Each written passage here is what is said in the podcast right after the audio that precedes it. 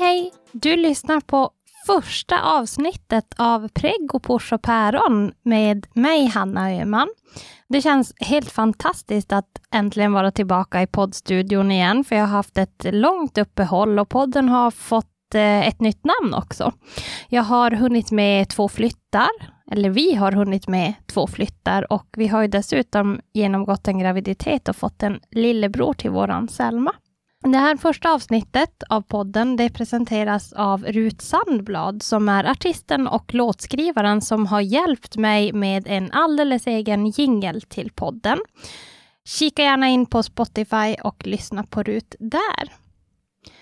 I det här första avsnittet av Preggo, Push och Päron så träffar jag Karin Flygare som födde sin son Vilde i vecka 27 plus 4. Hon var då 22 år gammal och hade egentligen inte hört så mycket om hur det är att föda ett barn så här pass tidigt i graviditeten. 638 gram lätt och 32 centimeter lång kom Vilde till jordelivet genom ett snitt.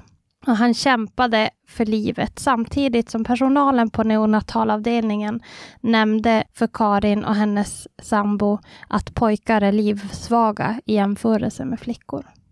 Under den här tiden så kände sig Karin värdelös som mamma därför att hon tyckte att hon hade misslyckats med något som kvinnokroppen borde klara av, för hon kunde inte vara gravid och skydda sitt barn.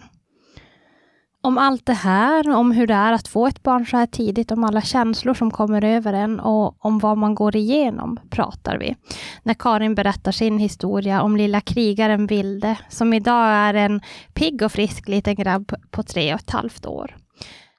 Jag hoppas att du tycker att det här avsnittet är lika bra som jag gör. Varsågod, här kommer Karin Flygare.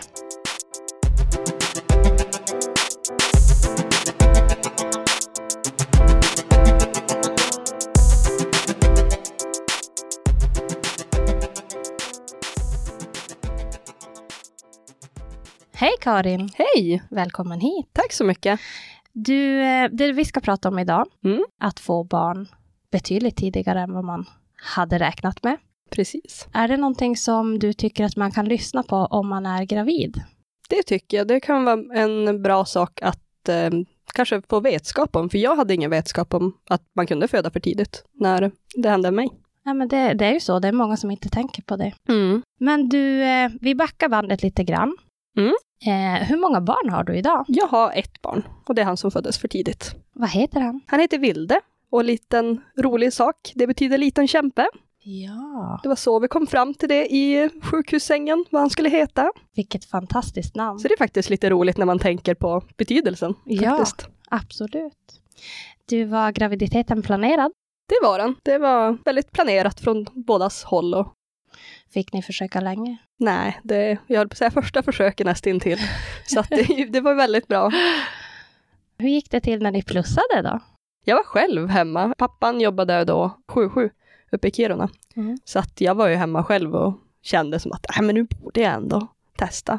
Då gjorde jag det och då var inte han hemma så till slut så slog jag ju som in grejer så att när han kom hem så fick han öppna det Ja. och fick se. Och vad sa han? Jag tror inte han sa någonting, jag tror mest att han typ grät eller bara var glad. Alltså det, det känns som en evighet sen, så man minns ju typ ändå inte riktigt, men man vill ju ändå minnas. Ja, hur länge sedan är det? Han är ju tre och ett halvt år nu, så att det är ju närmare fyra år sedan då, lite mer. Hur var känslorna då när ni fick det där plusset på stickan? Det var ju ganska magiskt ändå, dels för att man säga, som kvinna då har haft preventivmedel i x antal år och tagit ut. Sen ändå lyckas liksom första försöket och när man ändå har verkligen längtat och tänkt. Och jag har ju alltid tänkt också att ja, men jag vill ju vara ung. Mm. Och jag var ju då 21 år när sonen kom, så jag var ju väldigt ung också.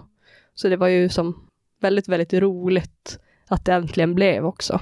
Och att det gick så fort. Ja, verkligen. För, för många gånger, eh, jag då kanske som är lite äldre, jag tänkte ju så här vid andra barnet att det är lika bra att ställa in sig på att det här kommer att ta lång tid. Mm. Ja, men det är som att, jag vet inte, det är på något sätt är väl det man tänker också för att man inte ska bli besviken. Och sen, ja men allt man har hört om hormoner och hur det har påverkat Mm. folks kroppar, och så då blir man ju också, jaha, Men kan jag, alltså även utan hormoner, kan jag bli gravid? Mm. Eller kan han producera ett barn? Alltså man vet ju som inte, det finns ju så mycket annat där till också. Mm. Så är det ju. Så att det är som ändå roligt att, att det funkade. Mm. Hur mådde du då som gravid? Jag mådde väldigt, väldigt bra. Enligt pappan så var jag väl lite sur och arg. Jag var hemsk som gravid, säger han. Jag har ingen vetskap om det. Eh, Men annars så mådde jag väldigt bra.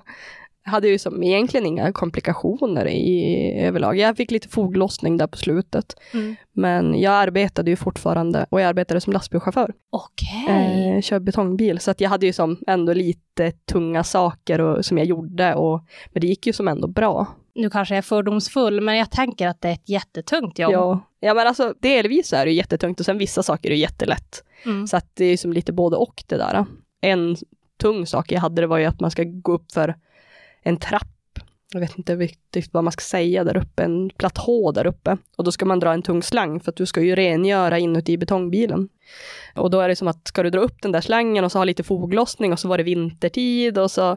Så att då hade jag ju faktiskt en kollega som han märkte väl, eller han visste ju att jag var gravid och sådär, så att då började han dra upp den där slangen, så den var alltid där uppe åt mig. Mm. Så det var ju en sån där liten sak som underlättade oerhört mycket för mig, Ja, faktiskt. och det, ibland är det tur att man har kollegor som tänker Ja. lite och, underlättar för en. Men allting var normalt Mm, och du gjorde ultraljudet i där vecka 19, 18, Ja, 19 någon precis. Och där såg allt bra ut. Allt såg bra ut, hade bra fostervatten och han var en bra storlek på, allting såg så jättebra ut. Vi kunde inte se kön då, tror jag. Nej, det kunde vi inte. Nej. Men sen hände det någonting. Sen hände det någonting och eh, jag var in faktiskt på Sunderby sjukhus här i, vad var jag, vecka 25 borde det varit. 25 plus någonting, så vecka 26 blir det då. Mm. borde det bli. Förminskad fosterrörelse. Och då hade jag inte känt han på ett tag och då åkte vi in och då, ja men de sa att allting såg bra ut, han låg nog och sov och sådär. Jag tänker när man då har varit gravid själv, för mig personligen så var det ju så att jag var jätteorolig hela tiden just för det här med minskade Mm. fosterrörelser. För man läser så ofta att, att det kan hända grejer och sådär. Så jag var på väg in flera gånger. Mm. Och så sen, ja men då rörde det sig i magen och det vart lugnt. Men hur tänkte du runt det där att, ja men nu åker vi in? Alltså, det var ju pappan egentligen som gjorde det för att jag är ju fortfarande, eller jag var med och är ju fortfarande med i en jättebra gravidgrupp som vi hade, Junibebisar heter den. Mm. Och då var det jättemånga som hade sån där med minskad fosterrörelse och till slut blev jag ju nästan, alltså jag läste ju så mycket om det där, om alla tips om att dricka kallt där va, och dricka sött och ligga på sidan och buffa. Och så jag hade ju läst det där så mycket. Och så blev jag ju till slut nästan lite irriterad också för att folk tog ju för givet liksom över att nu är det någonting fast de hade ju inte testat det där. Så blev jag ju nästan lite tjurig däremot då, när jag väl hade läst allt det där så himla många gånger och så hände det mig. Så att ja, men jag testade ju allt det där och det gick ju ändå två, nej men en och en halv dag kanske Mm. ungefär. Innan jag liksom sa till pappan då att du, det är något konstigt här. Så då tvingade han ju mig mer eller mindre att åka in. Eller vi åkte in tillsammans då. Hur mottogs du av vården när du kom in och hade de här oroskänslorna? Alltså delvis så var det ett bra mottagande, kan jag ju ändå påstå.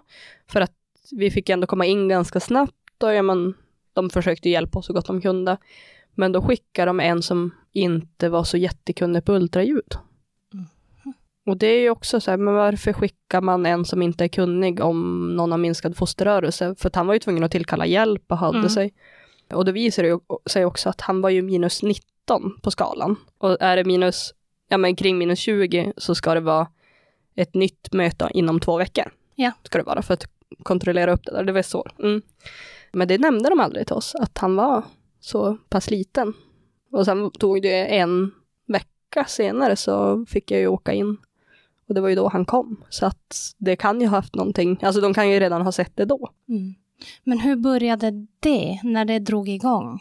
Jag höll på att säga, det var ju ett akut kejsarsnitt. Det var ju inte att kroppen började eller någonting, utan det var ju att de tvingade egentligen. Mm. Det började ju alltså redan med att jag hade ett barnmorskebesök, alltså vanligt BV, eller MVC. Eh, och jag jobbade ju, så att jag stressade ju dit vid tvåtiden. Jag hade ju då ett blodtryck på 165 genom 115. Det var ju skyhögt. Och jag kände ju inte av det överhuvudtaget. Men då vet jag inte vad jag stressad för att jag hade jobbat eller ja, var stressade dit eller så hon skickade ju mig till Sunderbyn och där gjorde de något ultraljud och blodtryck och gav mig magnesium, men de sa ju som aldrig någonting. Var du själv då? Jag var eller? själv. Ja. Helt själv. Men jag ringde ju som pappa då. Ja, men du, jag är på väg till akuten nu. Eller sj- sjukhuset liksom.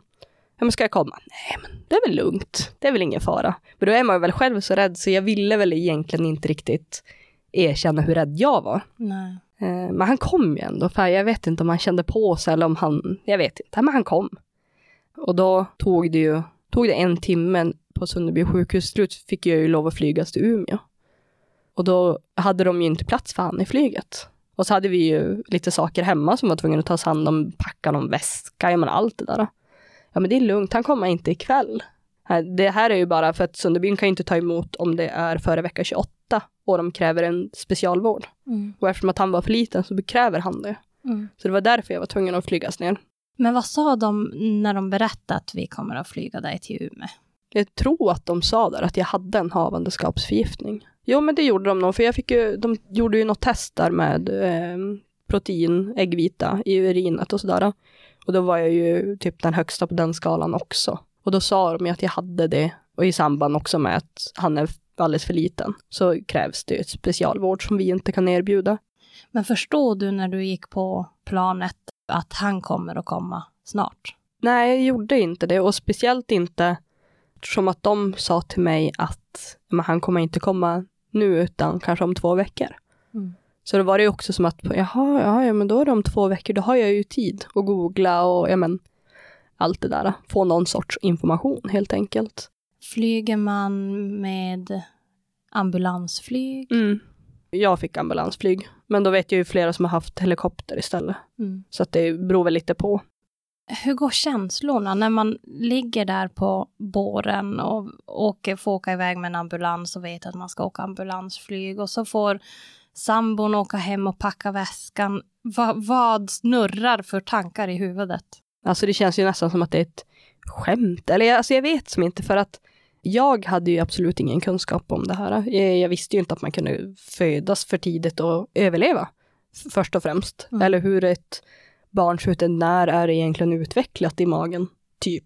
För att kunna komma ut.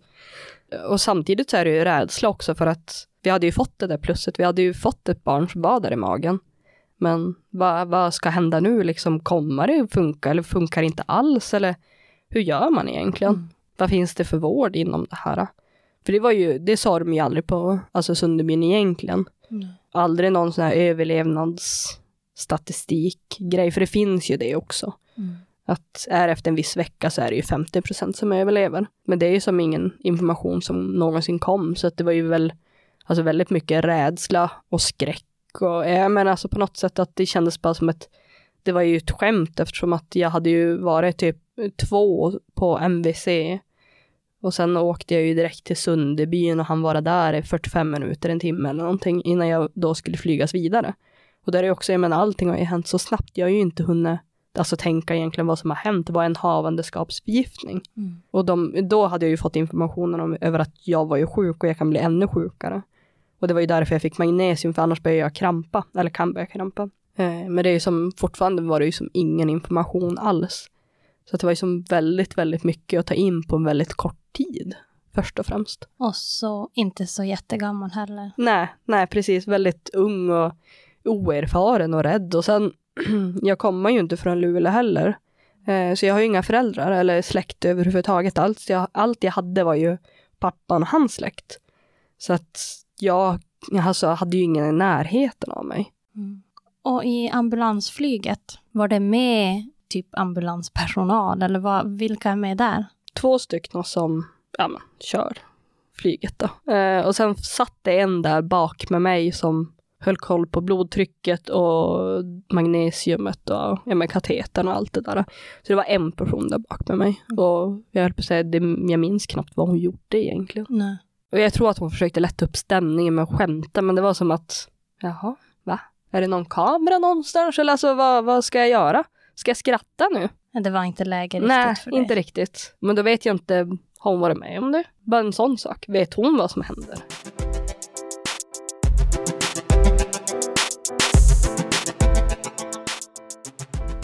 När du landar då i Umeå, Mm. vad händer då?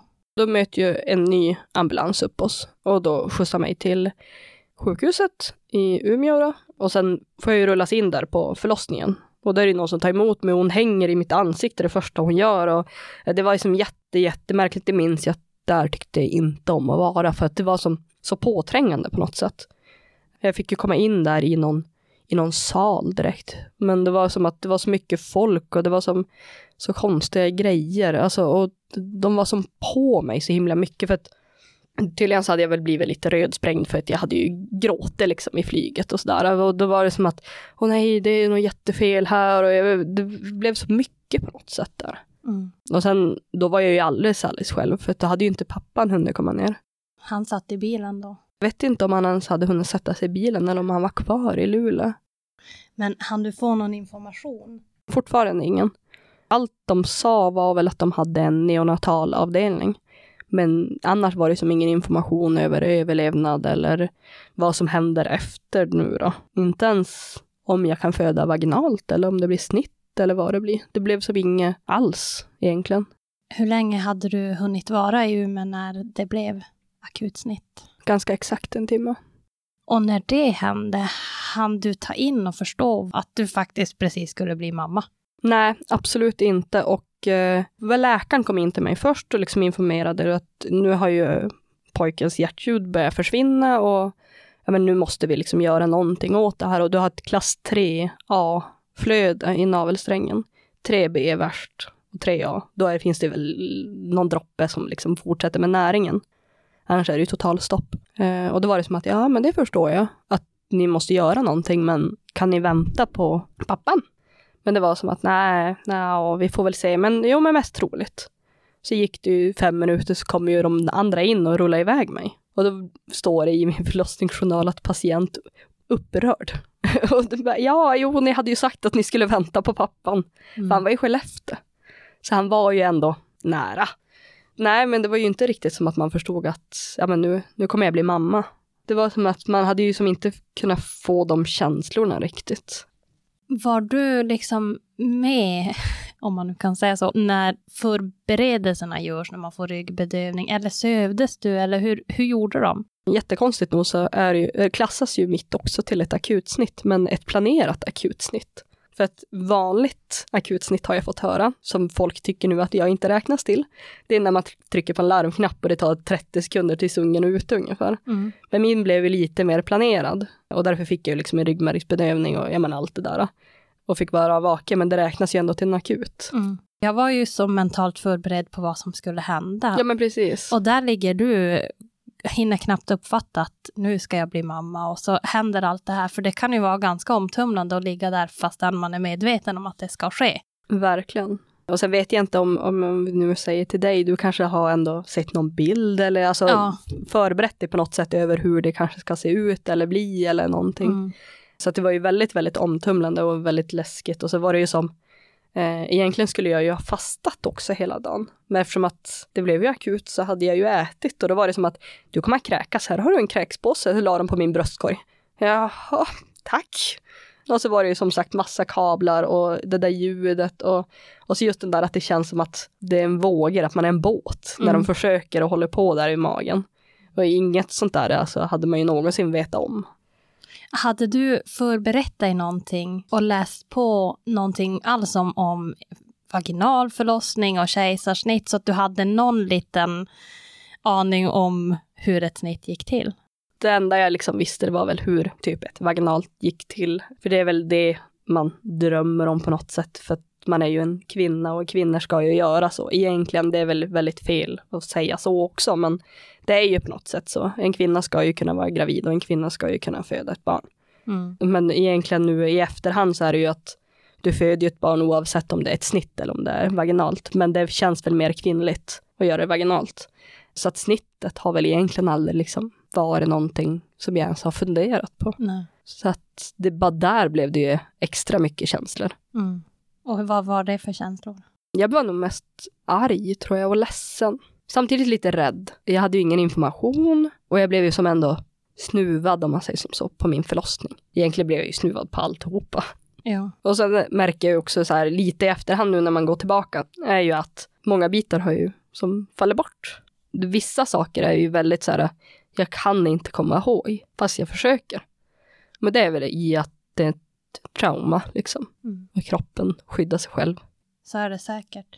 Men eh, då ligger du där, din sambo sitter i bilen på väg Mm. och du tror att han ska hinna fram men helt plötsligt så får du veta att nu blir det snitt. Mm. Och du kommer in på operationen och får bedövning och allt det här.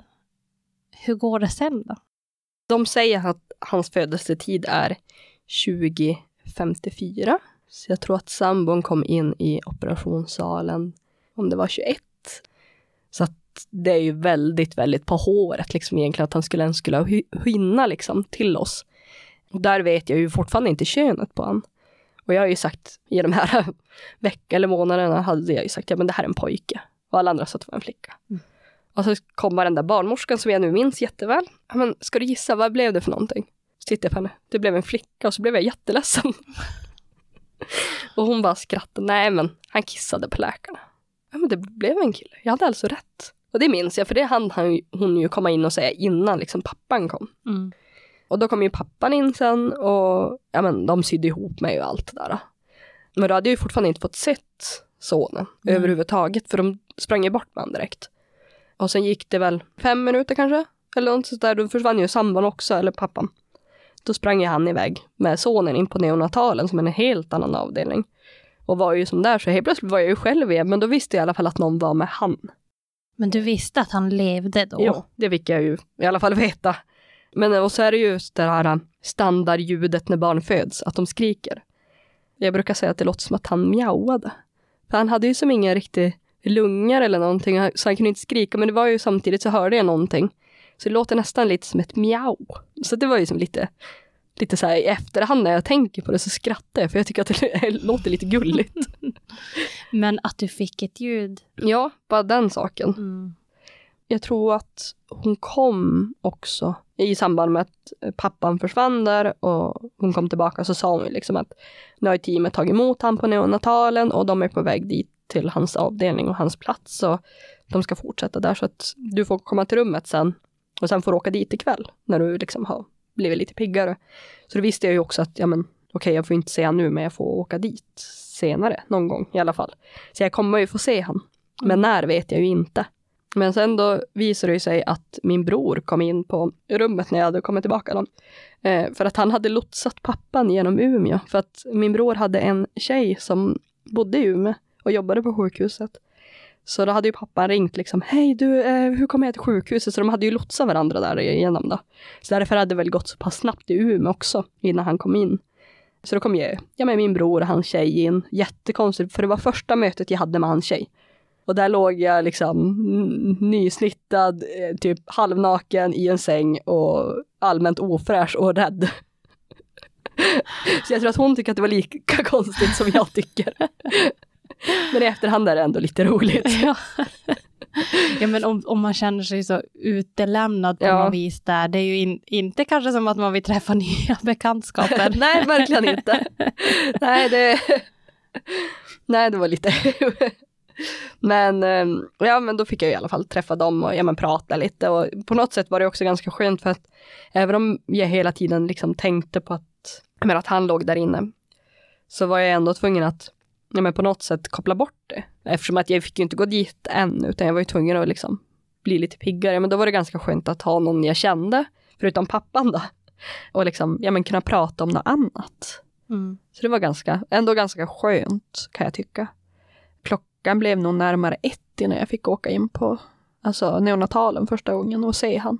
Visste du då hur stor han var? Jo men pappan har nog sagt till mig alltså hur stor han var, eller hur liten han var egentligen. För det var ju 638 gram och sen var det 32 centimeter. Så att det var ju inte så jättestort. Och jag minns att det var någon som sa till mig, om det var en läkare, att det var som ett Bregottpaket. För ett smörpaket stort väger 600 gram. Och då var det 38 gram extra. Och efter det där, så fort jag handlar och tar ett smörpaket, det är det jag tänker på. inte en stor bebis. Nej.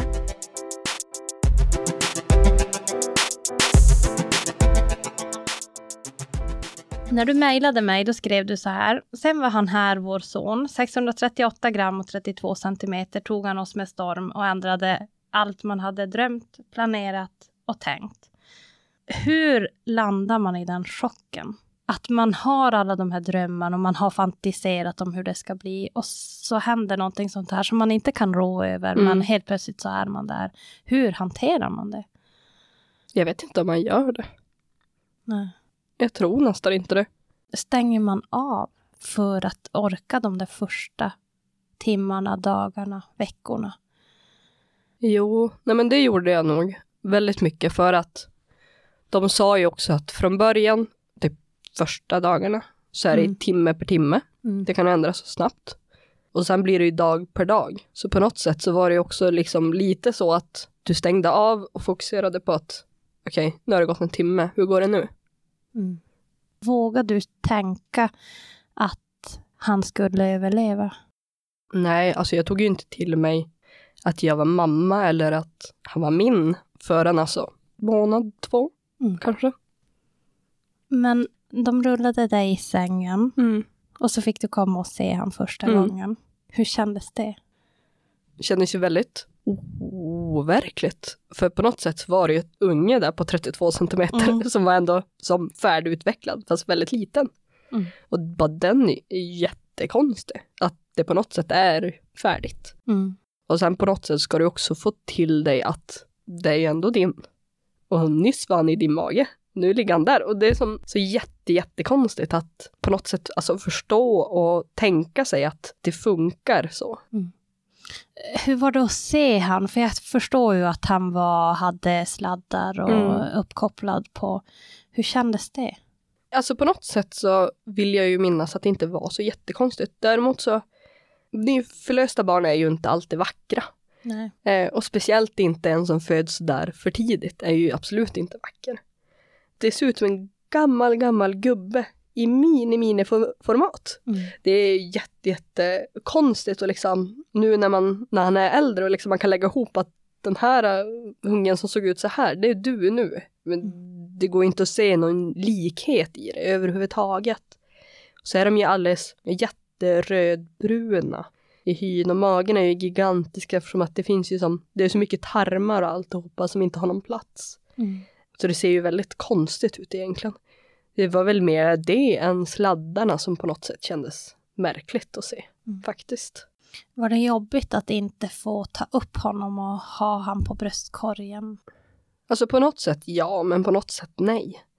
Dels för att man kunde ju som inte liksom lägga ihop på något sätt att det var min. Även fast man liksom visste att det är ju min, men det ser ju inte ut som att det är min och jag har inte riktigt förstått att det här precis har hänt. Så på något sätt så var det ju, jag var ju hälsade på någon annans barn nästan, Mm. kändes det lite som.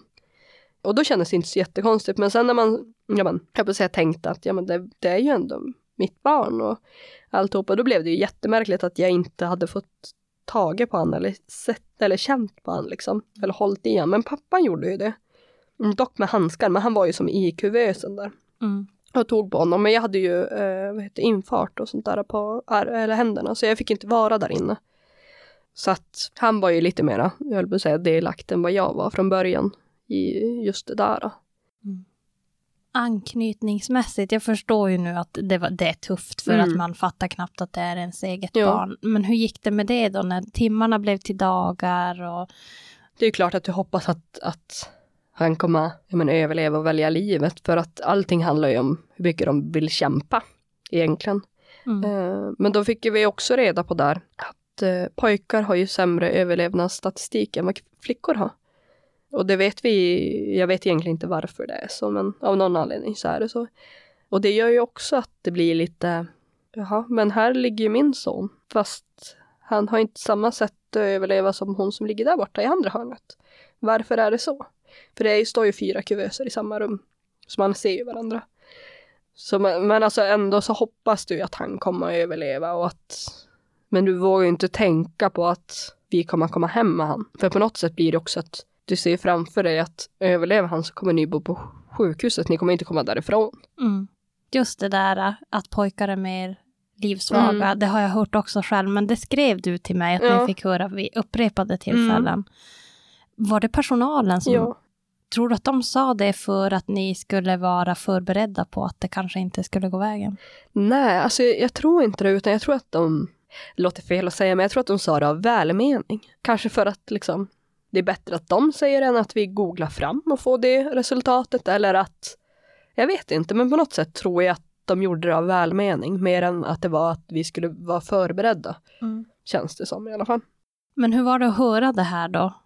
Nej, men alltså på något sätt känns det också orättvist. Mm. Att, ja men varför är det det? Jag fick ju en son, alltså varför har inte han lika stor chans? Det är en väldigt konstig sak att på något sätt få slängt på sig. Eh, man blir ju inte som arg eller man blir ju kanske lite mer ledsen men å andra sidan så är det som att ja, det finns ju ingenting vi kan göra åt det för så har det ju varit i alla år egentligen. Så det spelar ingen roll om jag går och gråter över det, det blir ändå inte bättre. Hade ni ett rum på BB eller patienthotell eller var, vars bodde ni? Först bodde vi ju på förlossningen om det var i tre dagar eller någonting. För att de skulle ju se till så att mitt blodtryck sjönk och jag menar att allting gick som bra med mig efter snittet. Och sen fick vi då ett rum på BB och där var vi väl kanske en vecka. Och sen fick vi patienthotell, heter det, inte på själva avdelningen på 56 utan på en annan plats i sjukhuset helt enkelt bodde vi. Där alla som bodde där hade ett för tidigt fött barn. Eh, vilket var väldigt skönt ändå för att på BB är ju där alla lyckliga föräldrar är med sitt barn. Och då ska du sitta där i matsalen med dem. Så det är ju ganska konstigt egentligen. Men kanske skönt att man är i samma situation.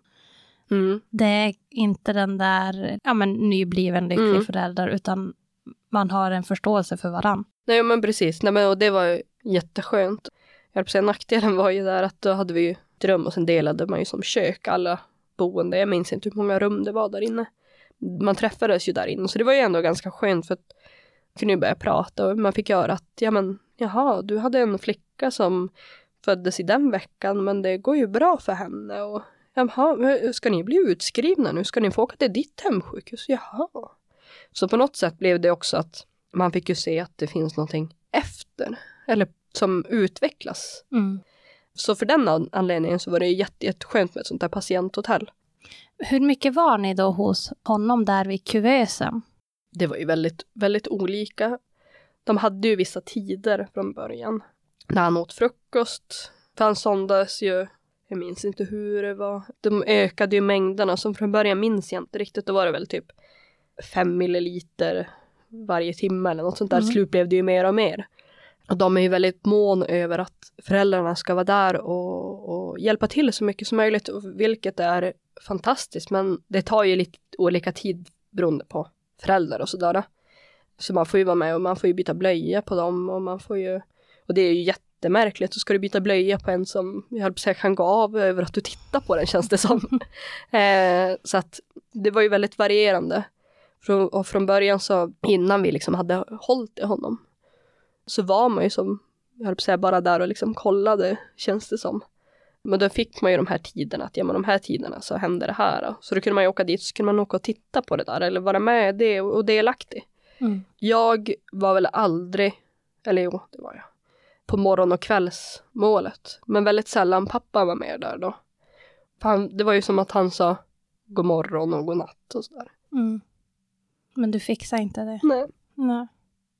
Du nämnde tidigare att du låg kvar på rummet Mm. och tittade på den här bilden Mm. som du hade fotat med mobilen. Nej. Nej. Eh, avdelningen gav mig den. Så du ligger där och tittar på den här bilden, men du orkar inte vara där. Mm. Hur klarar man av att ta in? Och får man skuldkänslor? Jo, nej men det får man ju. För Mm. att, ja men lite som vi sa tidigare här också, det är ju kvinnligt att vara gravid och en kvinna ska ju klara av att vara gravid. Men jag gjorde inte det. Så du skuldbelade själv? Mm. Att det var ditt fel att han hade kommit tidigare? Ja.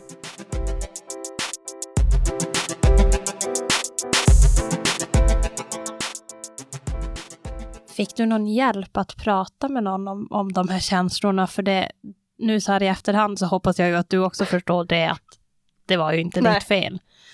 Men där när du mår som sämst, fick du någon, någon som du kunde prata med? Nej, jag minns inte ens om de erbjöd mig det faktiskt. Eh, men i Umeå, där minns jag att jag inte fick någon att prata med överhuvudtaget. De hade väl någon kuratoraktigt på själva, alltså 56an. Eh, neonatalavdelningen, men det kändes som att det var lite mera rörande, alltså barnet, barnet, inte kanske mig. Nej. Och i Sunderbyn hade de det och er, erbjöd lite granna men det ville jag inte vara. Nej. Så där var det som ett eget val. Men din sambo, kunde ni prata med varann och gråta ut tillsammans under den här jättetuffa perioden? Jo, nej, men det tycker jag ändå att vi gjorde ganska mycket och ganska bra ändå. Men sen blir det ju som väldigt påfrestande för du bor ju i ett litet, litet rum Mm. tillsammans. Och sen är det som att det finns ju inget annat än just det där. Och vi har ju ganska långt både hem och till vänner och familj. Och det blir som så intensivt på något sätt. Mm. Och ja, en förälder kunde i och för sig gå iväg. Men då är det som att, jaha, vad ska den göra då? Ska den gå omkring på sjukhuset eller ska den åka runt i Umeå? Alltså vad, vad ska den göra? Ska den åka och shoppa eller? Alltså det blir som så konstigt. Vi åkte ju hem lite, ja men hämta lite mer saker för han hade ju bara tagit det nödvändigaste. Men då fick man ju som lite andrum och sånt där men annars var det ju som att ville man göra någonting så vill man ju gärna göra det tillsammans. Mm. För att samla energi och sådär men det fick man ju som inte riktigt av sjukhuset. Mm. Uh, Umeå var mycket bättre på det. Då fick vi ju ändå ibland åka iväg och sådär. Jag vet inte om de märkte på ett annat sätt att man behövde det eller jag vet inte men då fick vi göra det i alla fall. För annars är det ju väldigt intensivt och ja, men, ska du ha de här hållpunkterna också. Mm. Att ja men klockan nio äter han och klockan tio ska han, vad det nu var. Då har du ju en timmes band däremellan egentligen där du skulle hinna, inte ens det för han nio så är han ju klar halv tio. Mm. Så ska du tillbaka sen då. Och däremellan ska jag ju pumpa också Just det. eftersom att de ska ha bröstmjölk. Men den resan, hur var det? För det kan ju vara nog tufft om man går alla veckor hela tiden ut. Ja. Att få igång. Ja men ungefär efter fyra dagar fick jag ju börja pumpa och sådär och eh, det var ju som egentligen inga problem utan jag hade ju väldigt, väldigt mycket mjölk och jag släppte väldigt lätt pumpen för det vet jag även fast man ammar så kan man ju inte alltid släppa till pump pumpen. Mm. Så att det var ju som väldigt skönt att det funkade. För att från de första dagarna innan liksom man själv har kommit igång så får de ju donerad bröstmjölk. Mm. Det är därför det är jätteviktigt att man donerar. Och sen ska ju mammorna då förhoppningsvis få igen då. Så då kan de börja ge sin egen eh, bröstmjölk. Och jag hade ju så otroligt mycket bröstmjölk. Han åt ju så lite från början så att han hann ju som inte äta upp alltihopa så vi fick ju lov att kasta väldigt mycket av min bröstmjölk. Och jag ifrågasatte lite, ja, men kan jag inte donera här i Umeå? Alltså för mig spelar det ingen roll, det är ju bättre det än att den kastas. Men då var de väl tvungna att göra några tester och dittan och dattan på det där så det gick ju som inte utan då var det för sent så då var de ju lika tvungna att kasta det. Mm. Eh, lite frös de in för att jag liksom skulle få ta med mig sen men det blev ju som ändå sådana stora mängder så att det gick ju som inte att spara. Men sen i Sunderbyn då fick jag ju donera bröstmjölk. Men det är ju fantastiskt. Så det var ju faktiskt väldigt kul att dels att jag kunde livnära min egen son på det då, Mm. och sen att kunna ge någon annan. Mm. Och speciellt när man liksom har sett hur mycket det behövs och men allt sånt där.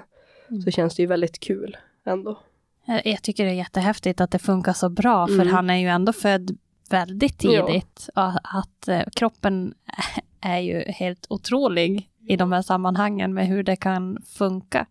Verkligen och liksom att men på något sätt så har det ändå sätts igång och även om jag kanske inte kände det så kände kroppen det. Och bara den saken är ju väldigt magiskt. Mm. Och sen så, ja men jag har ju läst på mycket om kejsarsnitt, så jag var förberedd, för jag gick ju till vecka 37 plus 5. Mm. Och jag hade ju läst att det kan bli tufft med, med amningen, dels för att det är lite tidigare, men också för att man snittas. Mm. Och då tänker man att du som fick så tidigt, Mm. Och att det ändå funkar så bra. Ja, ganska otroligt. Men då fick jag ju nästan till lära mig också att det var ju som nästan ingen annan på avdelningen som hade så bra som jag hade det. De här mjölkslattarna som vi slängde iväg, det var ju alla andra jätteglada över att det hade de fått. Mm. Så att det blev ju som samtidigt lite, lite fel av den anledningen, för då vågade jag ju kanske inte riktigt säga att, ja, men, att det går bra för mig i det sammanhanget. Mm.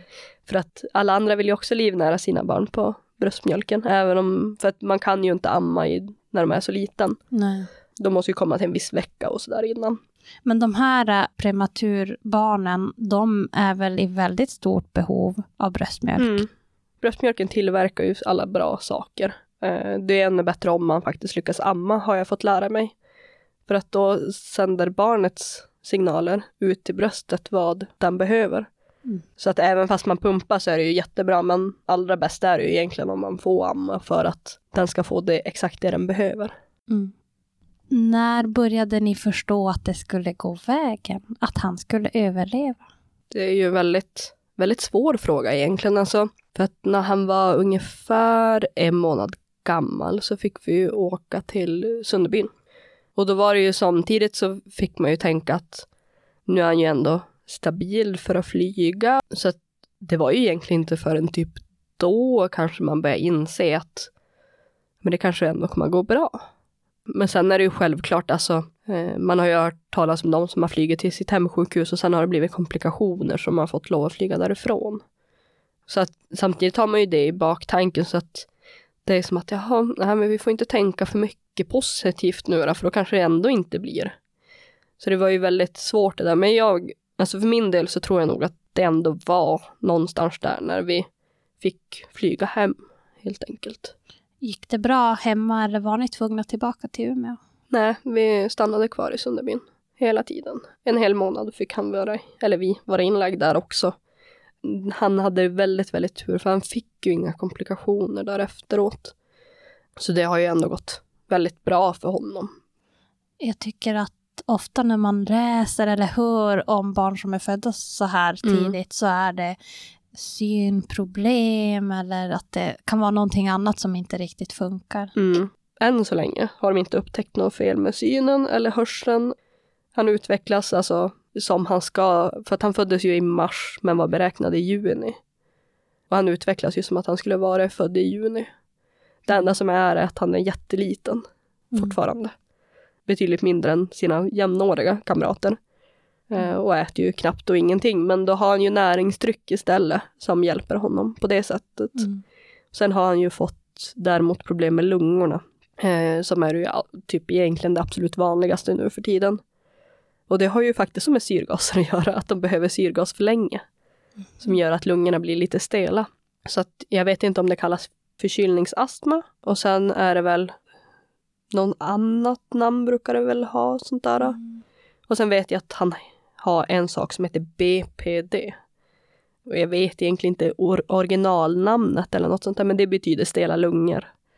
För när han blir sjuk så sätter det sig lite mer på lungorna. Mm. Um, så att nu här har han ju varit inlagd på sjukhuset i efterhand när han har blivit sjuk för att han har behövt ha syrgas. Men det tror man det har att göra med att han föddes så mm. pass tidigt? Jo, nej men det har det att göra. Luftrören blir ju så pass trängre än vanliga så att han behöver som vidga dem. Mm. Men det är ju bara vid behov, alltså typ när han är sjuk och sånt där vi inhalerar han nu. Mm.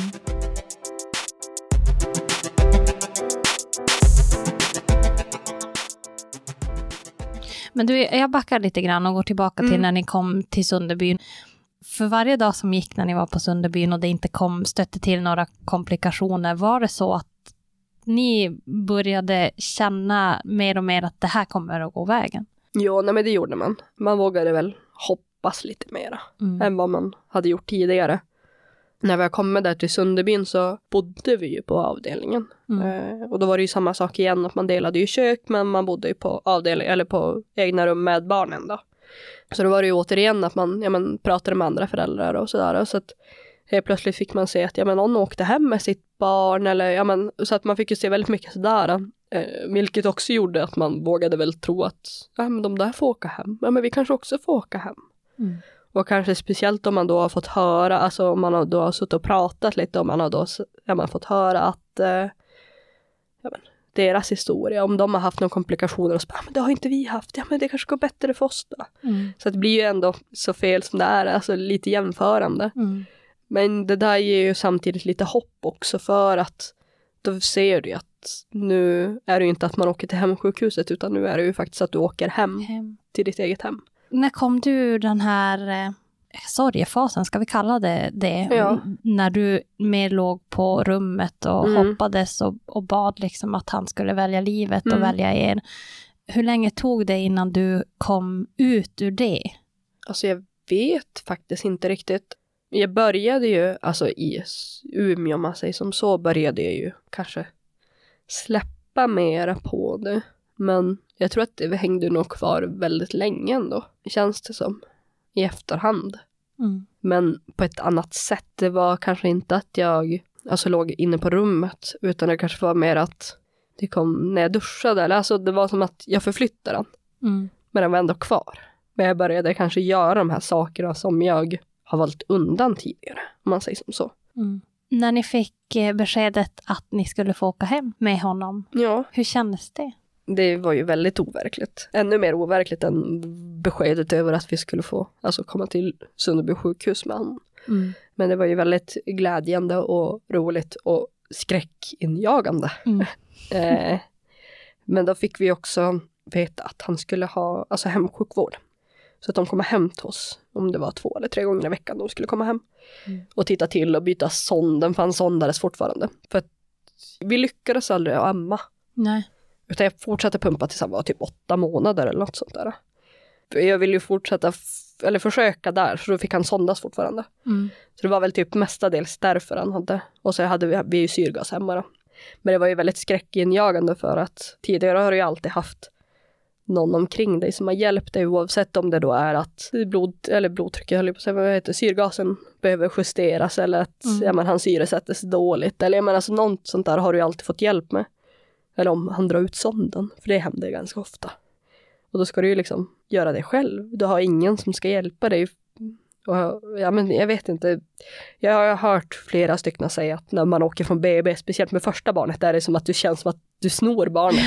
Tänk dig då när du har bott med dem på sjukhus i två månader, att du ska åka hem då. Ja. Det är verkligen så att Gud, eh, får vi verkligen göra det här? Kommer någon polisanmäla oss liksom? Eh, klarar vi av det här? För det kommer jag ihåg, våran äldsta tjej, hon är ju åtta nu. Och känslan när man stoppade ner henne i babyskyddet och skulle bära ut det till bilen. Ja. Och sen när man låser upp dörren och kommer in Ja. hemma. Det, det är ju lite sådär att man, det känns nästan som att man gör något olagligt. Ja. Och, och känslan i kroppen och allt det Mm. där. För den måste ju vara helt annorlunda när man är i den situationen som ni var. Den är ju nog upp eh, ja, när man Mm. När man har ett friskt barn och man har varit in och, och, och så kommer man hem. Men hemkommandet Ja. för er, Jo, man föreställer sig ju ändå att det ska alltså vara lite mera speciellt eller lite mera känslor eller vad man nu ska säga för våran del. Eh, Jag har ju inget annat att jämföra med egentligen. I samma veva där så flyttade vi ju också. Så att vi höll ju på med det innan vi blev utskrivna så höll vi på att åka runt och flytta våra saker för att vi skulle byta hus. Så att då blev det ju ännu mer när vi väl kom hem från sjukhuset så var det ju vårt egna hus vi Mm. kom hem till. Tidigare hade vi hyrt ett hus. Så den känslan plus att ja, men äntligen får vi komma hem och så det blev som väldigt, väldigt mycket känslor Mm. i det hela. Men hade ni hunnit förbereda så han hade liksom en säng och de här viktigaste babyskydd och Ja, eh, eftersom att det då är första barnet så är man ju lite mera på tå. eh, vilket var väl tur ändå. Eh, så att jag hade ju ändå de flesta sakerna, men typ ett babyskydd hade jag. Och vi hade ju som ändå, ja men fixa lite kläder och ja men som sagt det var ju ändå första barnet så man var ju lite mer på tå och lite mera ja, köpglad så att säga. eh, så att det var väl väldigt tur för att han hade ju väldigt mycket sånt där men sen vi tog ju inte på han kläder förrän den dagen vi åkte hem. Så att man har ju ändå hunnit men tänka kanske köpa lite extra, speciellt när man nu när jag hade kommit till Sunderbyn och då planerat som att nu ska vi snart få komma hem. Mm. Eh, Så har man ju lite tid på sig att ändå köpa in saker. kommer du ihåg vad han hade för storlek på kläderna när ni åkte hem? Jag tror att han hade storlek 40 men de var för stora. Om jag inte missminner mig. Antingen 44 eller 40, men eh, kläderna var alldeles för stora i alla fall. Men hur var det att lägga en så liten bebis i babyskyddet? Ja, han kändes jättestor. Gjorde han? det var som, åh gud, har han blivit så här stor? Men, Men när man väl fick se han liksom i babyskyddet, och så var det som att, oj, han var inte så stor. hur stor var han då? Minns inte exakt.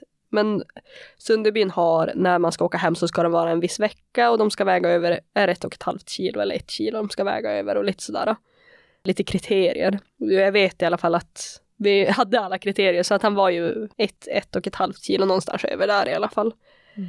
Så han kändes ju för oss väldigt stor tills vi satt han i babyskyddet. Det var ju då vi insåg att oj, han var mycket mindre. Ja, men för våran kille nu när vi åkte hem för några månader sedan, han vägde 2,6 när vi åkte hem. Oj. Och jag tyckte han var nog liten. ja, eh, men sen min, min kompis fick ju barn i samma veva som vi var inlagda. Så de kom ju hälsa på med deras barn. Och då var det som att vi höll i han och så bara "Men Ska barn vara så här stora? Är det något fel på han? Liksom, det var som så konstigt på något sätt. Och då tyckte vi som sagt att Vilda hade blivit jätte, jättestor. Tills vi höll i honom eller satt han i babyskyddet och sådär. Mm. Så blev det ju lite konstigt. Mm. Men en sak jag tycker faktiskt var jättebra nu i samband med att vi åkte hem var ju att vi fick ju ha eh, HLR-kurs på barn. För att vi måste ju lära oss, för att det är ju större chans att de slutar andas än fullgångna barn. Eh, men vilket jag egentligen tycker är jättebra och de borde införskaffa även på BB någon typ utav utbildningsvariant, Mm. tror jag. Det är ju någonting som faktiskt borde erbjudas alla. Ja, men jag tycker också i alla fall att, ja men ska vi ha en genomgång eller ska jag visa? Ni behöver kanske inte göra det, men i alla fall att man får se det, Mm. tycker jag ska.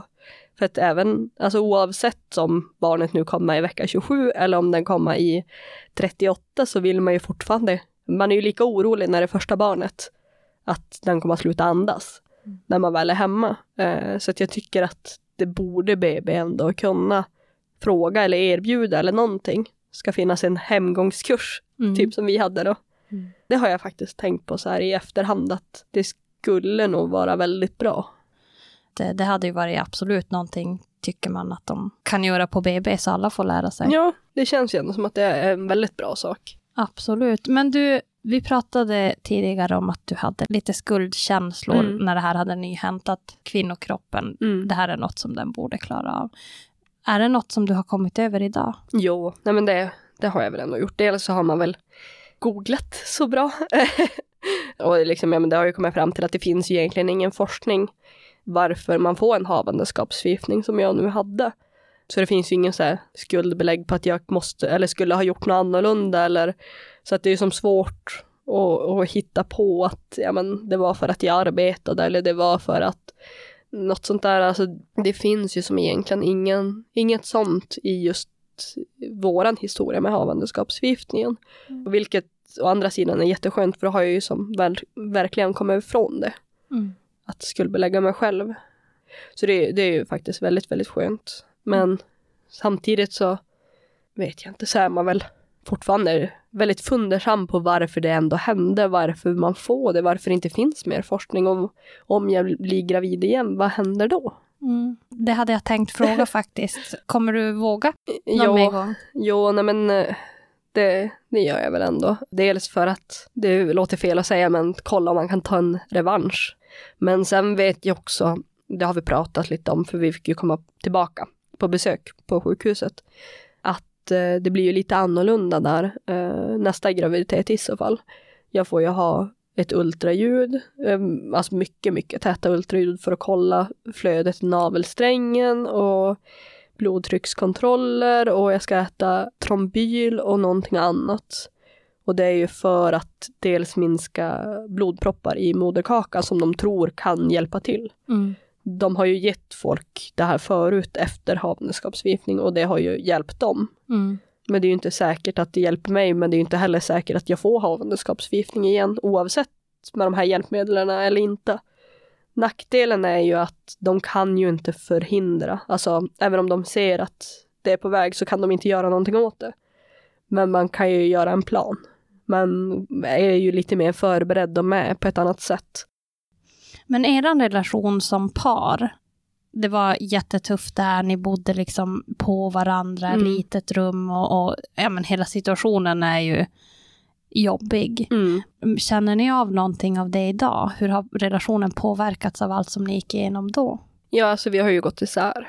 Tror du att det har med hela den här upplevelsen att göra? Jo, det tror jag. Tror du att det kan vara så att man som kvinna bearbetar allt på ett annat sätt än vad man gör som man?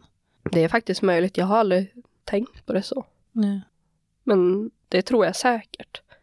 Er gemensamma son, hur gammal var han när ni bestämde er för att gå skilda vägar? Strax över ett år. Ett och ett halvt kanske. På ett ungefär.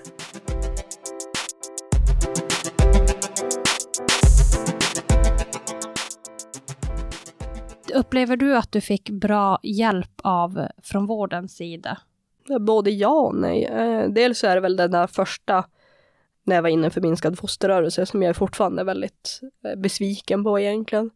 Och sen egentligen lite informationsmässigt hade jag ju kanske önskat att i alla fall ge mig en broschyr över vad neonatalvården är och vad det innebär att få ett för tidigt fött barn. Mm. Redan i Sunderbyn egentligen. Så på så sätt är jag väl lite, lite besviken. Och på något sätt också förväntningarna utav oss föräldrar i Sunderbyn på den avdelningen när vi har kommit tillbaka med honom.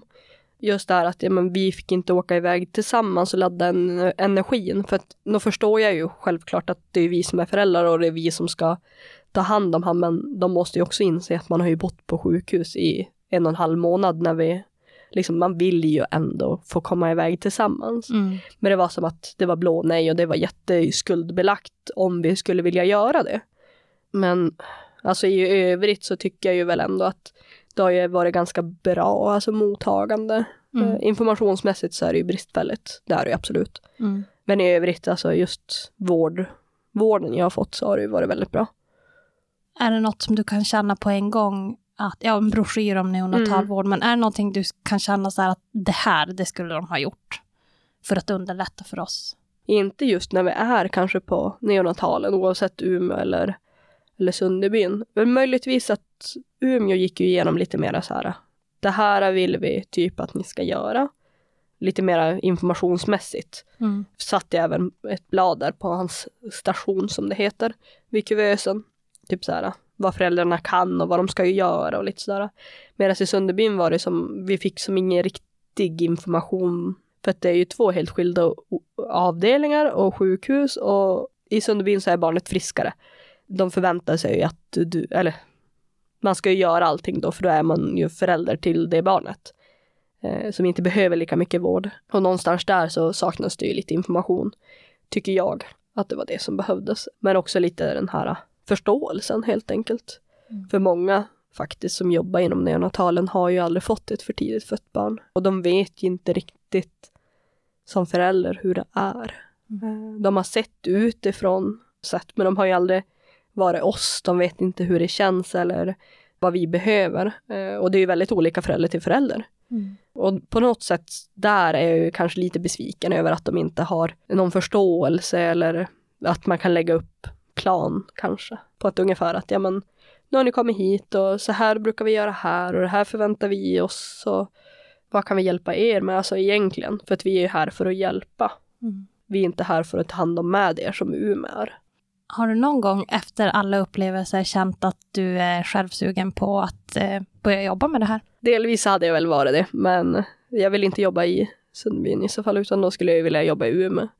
Men då är det ju också det här med arbetstider och löner och dittar och dattan. Så att på, av den anledningen så nej, absolut inte. Men annars så hade det ju varit jätte, jättekul och jättegivande. Men sen vet jag inte om man egentligen hade klarat av det om man säger som så. För att det känns ju lite som, även om det nu är tre och ett halvt år sedan, och, men jag har ju ändå inte riktigt varit hos någon psykolog eller kurator eller någonting och pratat.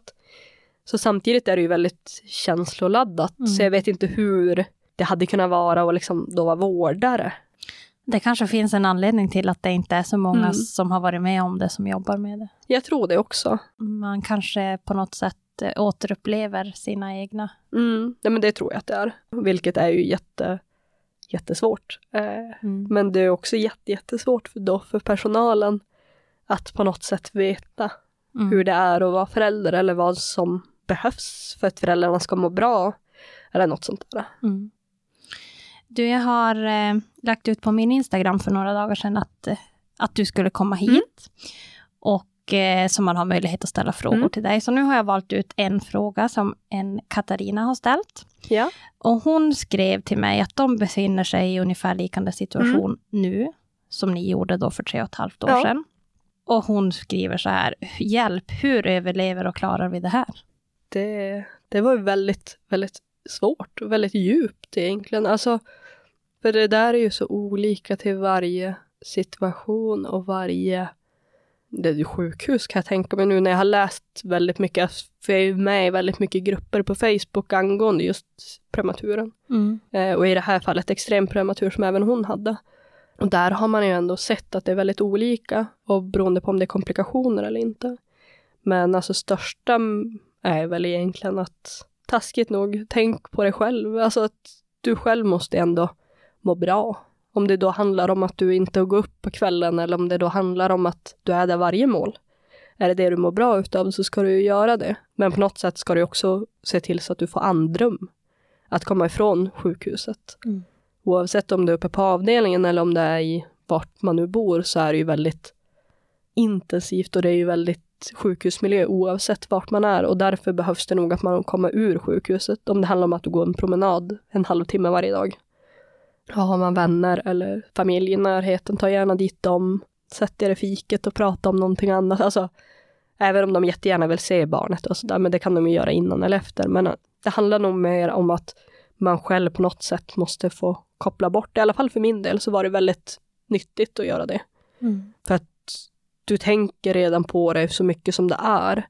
Och sover knappt för att det är det du tänker på. Och då känns det som att kan man på något sätt få koppla bort det en sekund så är det nog guld värt. För, men då får, får man ju lite skuldkänslor efteråt för att Mm. som vi sa, där ligger mitt barn och kämpar för livet och här sitter jag och fikar. Men, eh, men på något sätt så blir det också, du måste ju göra det för att du själv ska orka.